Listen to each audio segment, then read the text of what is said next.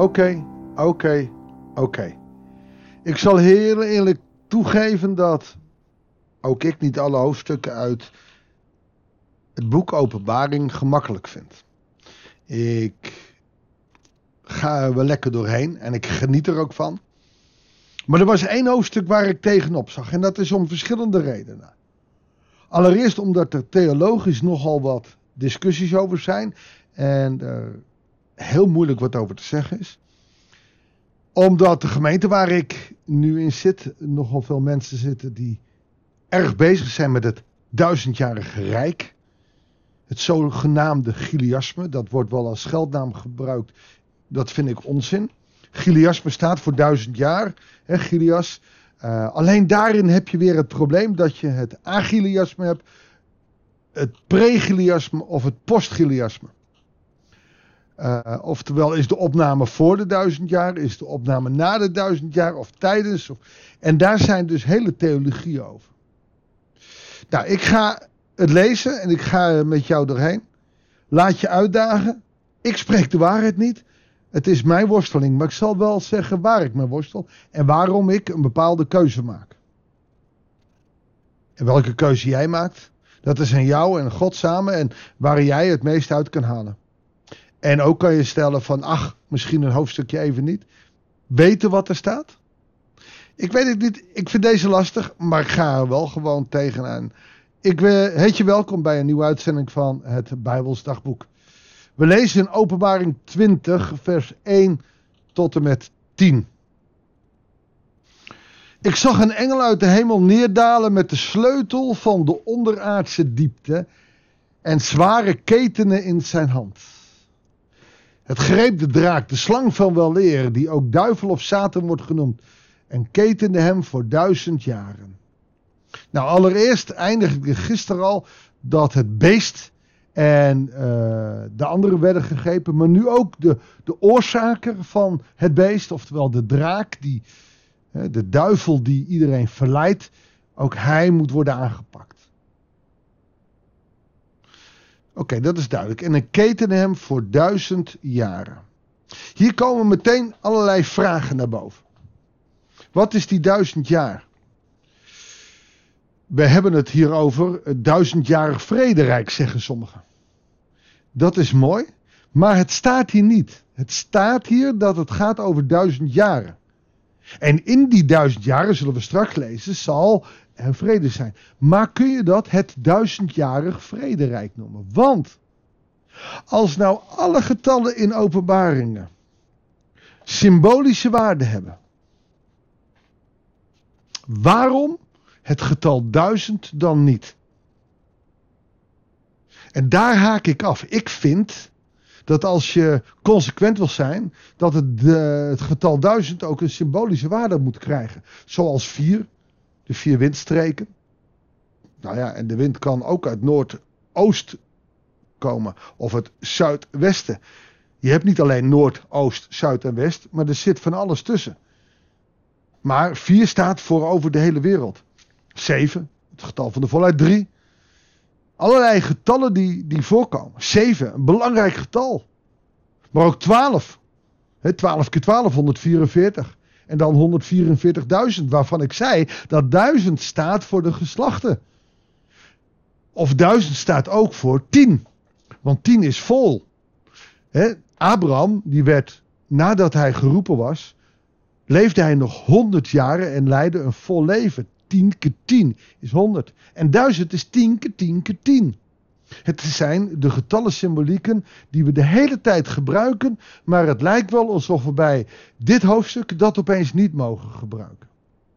En als je het dus letterlijk gaat nemen, dan zal je zien dat je er ook op vastdraait. Maar ik zal niet ontkennen dat ik de kans loop ook vast te draaien.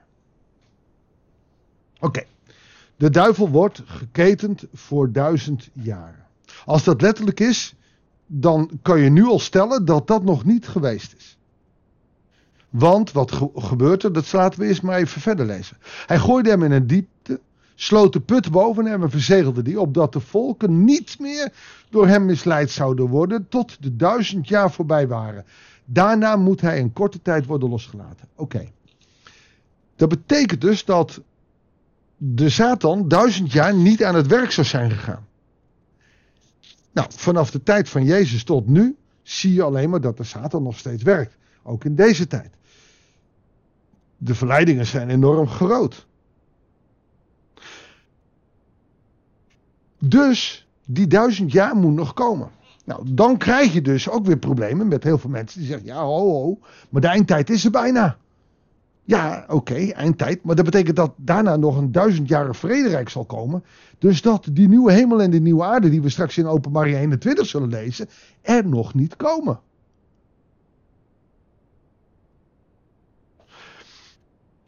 Of, en nou ga ik speculeren, want dit is een theologie, dus ik zeg ook niet dat het waar is. Maar waar ik nou, op dit moment voor kies. Is dit niet de 10 keer 10 keer 10 periode na de eerste opstanding van Jezus Christus, waarin de Satan gebonden werd. Die werd in een put gedaan. Hij was nog niet volledig weg. En ik denk dat door onze zonde wij die putdeksel af en toe openzetten en we hem de toestemming geven om in ons leven te komen. Maar in wezen is hij gebonden. Hij is overwonnen door Christus. Dat geloven wij, dat getuigen wij. Maar er komt nog een periode dat hij losgelaten wordt, namelijk om de verleiding van, en dat hebben we de afgelopen hoofdstukken gelezen, van de onrechtvaardigen, maar ook van de rechtvaardigen, om die nog te verleiden. Oftewel, de Satan is er nog steeds. En er zal een periode komen waarop het lijkt dat die putdeksel open is en dat hij weer helemaal loswaart. En dan zou je kunnen zeggen, ja dat is nu al.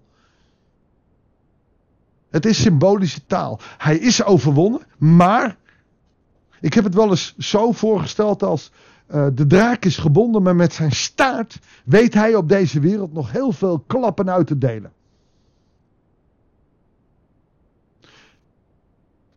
Ik weet geen andere metafoor. Hij is overwonnen door Christus, dat geloven we. Maar hij is nog niet weg. Als wij, gelaten vijf zijn, in zijn overwinning staan, des te minder macht zal de Satan ook hebben. Maar ik vind zelfs dat binnen verschillende kerkgenootschappen de Satan zoveel macht krijgt, omdat we het zoveel over hem hebben. En daar moet je mee. De overwinning, die we in hoofdstuk 19 lagen, lazen. Een prachtig tekst overigens in de Adventtijd. Ik ga de komende twee weken ook uh, daarover spreken. Uh, maar, maar er moet dus ook nog dit gebeuren. Satan is nog niet volledig zijn macht ontzegt. Hij is overwonnen, maar hij heeft nog kracht. Dat betekent dus dat wij ook nu nog van de boom van goed en kwaad kunnen eten, nog de keuze hebben. Laten we even verder lezen. Ook zag ik tronen en degene die erop zaten mochten recht spreken. En ik zag de zielen van hen die onthoofd waren, omdat ze Jezus hadden getuigd en over God hadden gesproken. Ze hadden het beest en zijn beeld niet aanbeden. En ook zijn merkteken niet op het voorhoofd of een hand gekregen. Ze waren tot leven gekomen en heersten duizend jaar lang met Christus. Oftewel, de andere doden kwamen niet tot leven voordat duizend jaren voorbij waren. Dit is de eerste opstanding. Die eerste opstanding, is dat niet gewoon de bekering? Dat lees je ook in verschillende theologieën de bekering van Christus en met Christus leven, gelaten 5 1, met Christus, de opgestaande Heer leven, nog wel in die gebrokenheid, oftewel die put die gaat af en toe nog open, want hij heeft nog macht, maar hij is overwonnen. Dus is dat niet gewoon de periode van, van de opstanding van Christus totdat zijn wederkomst is? Waar niet letterlijk een getal bij zit, maar wel die 10 keer 10 keer 10, oftewel het zal een volle tijd zijn tot hij terugkomt. Dus niet te berekenen. En dat in die tijd de mensen met Christus mogen leven. En dat de slachtoffers, de martelaren, hoofdstuk 6 van openbaring, in de hemel zullen zijn. Dat zij die overleden, overleden zijn in de hemel zijn, maar nog niet in die nieuwe hemel en de nieuwe aarde. Nou, gelukkig en heilig zijn, zijn zij die deel hebben aan de eerste opstanding. Die Jezus Christus kennen. De tweede dood heeft geen macht over hem. Wat is die tweede dood? Dat is de letterlijke lichamelijke dood.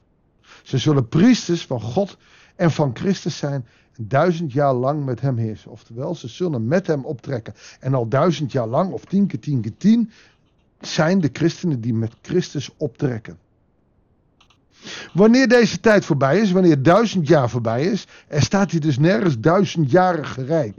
Nee, het gaat om het aantal jaren. Duizend jaar voorbij zijn, zal Satan uit zijn gevangenis worden losgelaten. Dan is het dus die krachtige eindtijd, waarin die strijd in hoofdstuk 19, waar de, de Christus op het witte paard zal komen met zijn leger en Satan gaat nog aan het vechten. Dan, zal hij, uh, dan gaat hij er op uit om de volkeren in de vier hoeken, heb je vier weer, van de aarde, Gog en Magog te misleiden. Oftewel, ook de rechtvaardigen zullen daar nog weer in de verleiding brengen. Hij brengt voor hen de strijd bijeen, zoveel mensen als de zand is bij de zee. Ze trekken op over de hele breedte van de aarde en omsingelen het kamp van de heilige en de geliefde stad. Maar vuur daalt neer uit de hemel en verteert het. En de duivel, die hem misleiden, wordt in een poel van vuur en zwavel gegooid bij het beest en de valse profeet. En daar zullen ze dag en nacht gepijnigd worden tot in eeuwigheid. Dus voor mij staat die duizend jaar, die tien keer tien keer tien, voor de periode van de opstanding van Christus totdat zijn wederkomst is. In die tijd heeft de Satan dus nog macht. Ook al is hij overwonnen. Ook al heeft Christus laten zien, ik ben sterker. Maar hij is er nog wel. Maar als Christus terugkomt, dan zal hij overwonnen worden, voor eeuwig in de helge, in de gehenna worden gedouwd. En dan, dan zullen de rechtvaardigen naar de nieuwe hemel en de nieuwe aarde trekken. De tweede opstanding. Dat is zoals ik het uitleg. En ik zie dat de tijd alweer voorbij de 10 minuten is. Maar dat krijg je met sommige uh, hoofdstukken. Nou, dit is mijn visie. Um, dat zal niet iedereen in mijn gemeente me helemaal in dank aannemen, omdat ik daar iets anders over denk. Maar ik vind dit een plausibelere uitleg. Zeker als je het geheel van openbaringen kijkt, waarin de getallensymboliek zo sterk is. Alleen haal hem dan niet uit hoofdstuk 20 daar gaan we het duizendjarig rijk, het duizendjarig vrederijk letterlijk nemen. Ja, dan moet dat nog komen. En dan is maar de vraag, uh, worden de christenen dan eerst opgenomen? Of worden ze na die tijd opgenomen? Of tijdens? Daar zijn dus drie gileastische richtingen voor. En dan zie je, wanneer we gaan speculeren... Ik denk dat de, de, de 10 keer 10 keer 10 iets letterlijker past, maar dat is in mijn visie, bij de uitleg van openbaring. Maar laten we God maar vragen of hij leiding wil geven. God in dit hele moeilijke hoofdstuk, waarin we niet zoveel helderheid krijgen, omdat er nogal veel theologie en speculatie over zijn, willen we vragen of u ons daar wijsheid in wil geven. Als we het belangrijk vinden om dit hoofdstuk echt goed te begrijpen, dan hebben we uw Heilige Geest nodig. En zo heb ik het geprobeerd ook uit te leggen, ook vol van uw geest. En toch kan daar ook weer mijn eigen uitleg bij zitten. Heere God, wilt u Wilt u ons zegenen als we dit lezen? En leer ons niet bang te zijn om eens anders over een Bijbeltekst na te denken, om misschien wel dieper te komen of wel niet. Heer en naprediker, ook van deze podcast. We dragen deze podcast aan u op, dragen ook deze tekst aan u op, dat we de troost uit mogen halen. Dat de eerste overwinning van u al was en heel sterk was. En dat wij in die overwinning mogen leven. Maar dat er uiteindelijk de totale overwinning komt.